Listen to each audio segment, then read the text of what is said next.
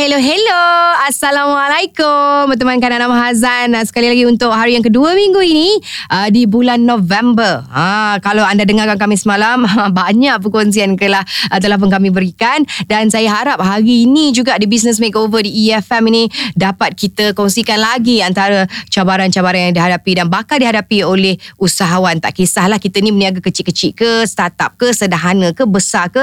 Cuma cara nak hadapi dan selesaikan itu memang berbeza berbeza-beza dan hari ini kita akan sambung lagi uh, cabaran-cabaran yang dihadapi oleh seorang yang bergeral uh, bergelar usahawan agar cabaran ini bukan penghalang tapi mendorong kita untuk menjadi usahawan yang lebih baik. Ah, tapi kita akan mulakan hari ini dengan segmen on ke tak on. On ke tak on? On ke tak on jual course online? Ha, sebab kalau anda pandai masak ataupun pandai melukis ataupun design apa-apa, apa juga skill yang anda ada, anda boleh ajarkan uh, kepada orang lain. Ha, ini bukan bermakna anda pergi dari rumah ke rumah ataupun berjumpa dengan pelanggan anda, tetapi anda jadikan skill anda itu sebagai satu course ha, khusus eh ataupun kelas dalam bentuk video yang boleh dijual secara online. Ha, jadi anda tak perlu jadi yang paling baik ataupun yang terbaik dalam industri anda, cukup sekadar anda ada skill yang boleh diajarkan kepada orang lain pun dah memadai. Sebab kita tengok banyak home baker sekarang ni yang buat online course yang mana mem- menjual resepi-resepi yang mereka ada menunjukkan cara-cara untuk menghasilkan resepi tersebut dan mereka make uh, tons of money so why don't uh, anda boleh mulakan antara uh, menjual course di online. Uh, jadi on ke tak on? Hmm, kita akan ke segmen tips penarik tips penarik tips penarik hari ini uh, mengatur strategi. Uh, itulah cara untuk kita tarik uh, pelanggan. Strategi harus diatur terlebih dahulu untuk memudahkan khidmat pelanggan memenuhi permintaan pelanggan bagi menarik minat pelanggan anda. Anda haruslah mengkaji terlebih dahulu mengenai pelanggan anda. Kalau kita tak tahu pelanggan kita macam mana kan dan kena pasti juga apa yang pelanggan anda suka dan apa yang dia orang tak suka dan pastikan anda perbanyakkan yang dapat menarik minat pelanggan anda dan selepas itu atur strategi yang dapat membantu untuk mem memuaskan kehendak pelanggan anda. That's the best. Uh, kalau kita main teka-teka je, kita tak ada strategi, kita tak buat orang kata penilaian dan sebagainya, macam mana kita nak tahu apa yang kita lakukan ni akan menarik minat pelanggan kita. So, kena ingat untuk always atur strategi. Okay, kita ke segmen cuba try test share cuba try test share. Di segmen cuba try test share. Kalau anda dengar saya semalam saya dah sharekan beberapa cabaran uh, akan ataupun sedang ataupun telah dihadapi oleh usahawan. Nah, hari ini saya akan sambung uh, lagi beberapa cabaran yang mungkin anda sebagai usahawan sentiasa uh, hadapi, bakal hadapi supaya kita siap sedialah berhati-hati dalam membuat keputusan. Okey, antara cabarannya adalah dibebani oleh pekerja yang tak perform. Hmm, saya faham ini eh. Sesiapa yang boleh baca sikap pekerja yang dia sedang temuduga. Ha, mungkin kemahiran tu boleh diuji tapi tidak pada sikap. Okay? Masa temuduga, lautan api pun sanggup diharungi ni. Bila dah ambil kolam renang kanak-kanak pun tak mahu nak diterjunnya ya. Ha, sebab kadang-kadang kita ni mungkin rasa tersekat. Kita rasa bersalah untuk kita terminate. Ha, dan kalau bolehlah saya suggest kalau kita ambil uh, pekerja baru, kita lakukan probation. Mungkin 3 bulan, mungkin 6 bulan. Tengok kalau betul-betul dia competence ataupun dia betul-betul uh, layak untuk jawatan tersebut baru kita serapkan secara permanent. Ha, sebab kadang-kadang orang ni masa temu duga memang langit dan bulan dan bintang di di di, di berikan kan tapi bila dah masuk kerja tu ada yang malas ada yang ngulur ada yang menipu ha, dan sebagainya kan? Jadi itulah kita kena ada probation time okey?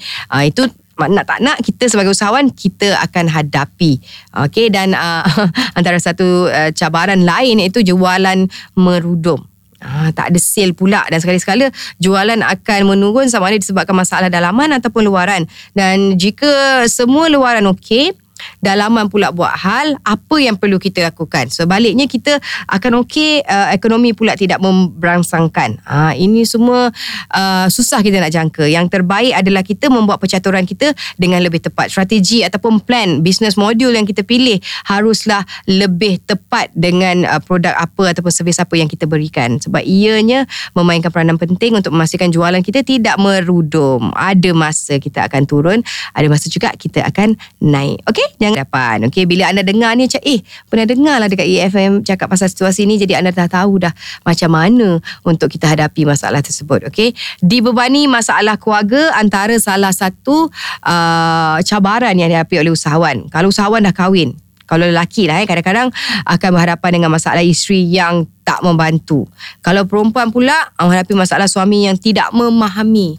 Uh, kadang-kadang bisnes okey tapi rumah tangga pula macam ribut. Yelah bisnes uh, kita ni memang kena 24 hours kan. Dan cemburu dengan pasangan mungkin pada perniagaan dan sebagainya. Kalau tak kahwin lagi akan ada juga masalah saudara mara, ibu bapa dan sekali-sekala masalah keluarga ni akan datang melanda. Apa yang boleh kita buatkan? Kalau lah kata kita melakukan satu perniagaan tu tanpa uh, suami atau isteri kita, kalau kata yang dah berkahwin lah kan, kita boleh update dekat dia, terangkan dia perjalanan bisnes macam mana supaya dia faham. Ha, dan uh, kadang-kadang masa yang kita habiskan untuk menjalankan perniagaan itu, mungkin itu sebenarnya yang dimahukan oleh pasangan kita, masa bersama dengan kita. Jadi kita sebagai usahawan pun kena pandai lah untuk membahagikan masa antara menjalankan perniagaan kita dan juga me- menghabiskan masa kita bersama dengan keluarga. Ha, kena balance. In life, is all about about balance. Nak cari duit, cari duit juga. Tapi keluarga, jangan kita abaikan. Okay, kita akan kembali selepas ini uh, mengenai krisis ekonomi di EFM. For Entrepreneurs, by Entrepreneurs. Business Makeover di EFM for Entrepreneurs by Entrepreneurs. So, hari ini saya Nana Mahazan berkongsi mengenai cabaran ataupun masalah yang dihadapi oleh usahawan-usahawan. Bakal mungkin. Kalau anda tak kata, eh tak pernah dapat pun masalah ni, mungkin. Mungkin akan hadapi, mungkin tidak. Tapi ini adalah orang kata uh, consequencesnya kalau kita menjadi seorang usahawan. Okay? Antaranya adalah dilanda krisis ekonomi. Bila kita tengah semangat, perniagaan nampak macam sedang meningkat. Wow, that's very good. Nampak jelas hala tuju kita tapi ekonomi pula tak menarik. Ha, tambahan pula bila kita dengar ramai usaha mengeluh, alah ekonomi tak best lah, orang tak berbelanja dan sebagainya kan. Jika kita terpengaruh dan selesa untuk salahkan ekonomi, lalu tunggulah kita tunggulah sampai ekonomi pulih barulah kita nak start marketing. Kita tunggulah sampai ekonomi tu baik barulah kita nak start hire orang. Ha, perniagaan kita akan ke mana? Akan terus merudum, tak bangun-bangun. Ya, jadi kita jangan ambil ini sebagai alasan. Sebab walaupun kita tahu ekonomi tak baik, tapi kuasa pembeli tu masih lagi ada. Because they're still earning dan mereka masih lagi memerlukan uh, nak-nak pula kalau produk ataupun servis yang kita berikan ini membantu ramai orang. Uh, sebab itulah tujuan usahawan adalah untuk membantu menyelesaikan pelbagai jenis masalah yang dihadapi oleh ramai. Uh, jadi walaupun ekonomi tak baik mungkinlah kita tidak sehebat tahun-tahun lepas tetapi insyaAllah rezekinya tu masih ada. Jangan kita uh, mengeluh uh, dan kita jatuh uh, ke dalam perangkap uh, mem, mensalahkan ataupun menyalahkan ekonomi yang tak baik ini untuk kita tidak berbuat apa-apa. Walaupun kemungkinannya nipis, bencana kalau datang habis hangus segala yang kita usahakan. Uh, dan ini perlu difikirkan juga dan ambil langkah bijak untuk menghadapinya jika ada kalaulah kita membuat perniagaan it's okay untuk kita persiapkan diri kita dengan insurans mungkin insurans perniagaan uh, tapi adalah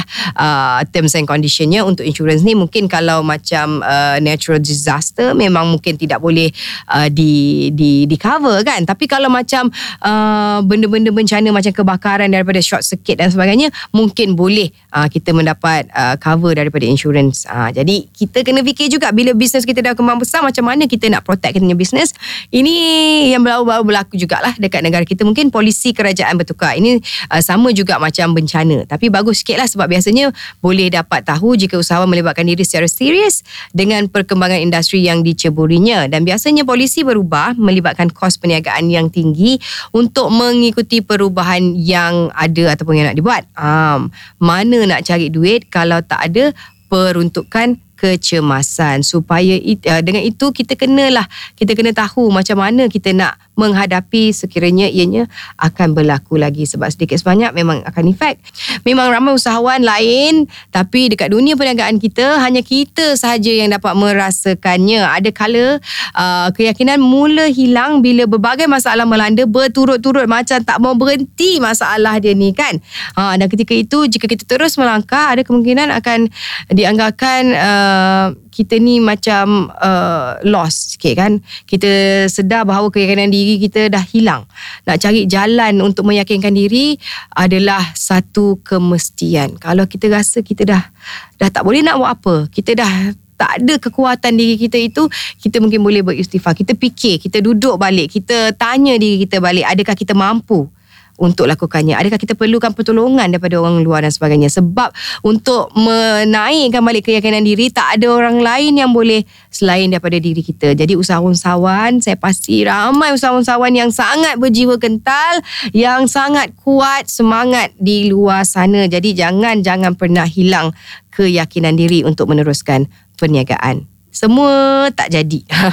Ini sering terjadi bila ditimpa masalah bertubi-tubi. Okey, bukan itu tak kena dan buat ni tak kena. Ha, kita rasa masa itulah kita rasa macam eh tak kena lah semua tak kena buat tak jadi langsung. Jadi kita tak ada kawan-kawan. Kalau kita tak ada mentor, kadang-kadang ini boleh meranapkan terus perniagaan kita. Malah uh, boleh juga membuatkan usahawan jadi putus asa dan berhenti mencuba. Ini akan sampai satu tahap bila kita tak ada hala tuju yang jelas dalam perniagaan. Sebab itulah kita tak tahu nak buat apa. Bila kita buat ni semua tak jadi, kita buat tu salah, kita buat ni tak kena dan sebagainya sebab kita tak ada uh, guideline. Uh, kita tak ada misi dan visi yang tepat mungkin yang jelas untuk kita tahu apa sebenarnya yang sahih ataupun yang perlu kita lakukan dalam perniagaan kita. Ha, dalam dalam perniagaan ni juga bila kita cakap pasal hutang, hmm, sebab kita berhutang orang, orang berhutang dengan kita. Dia okey. Hutang tinggi dan anda tak mampu nak bayar ansuran.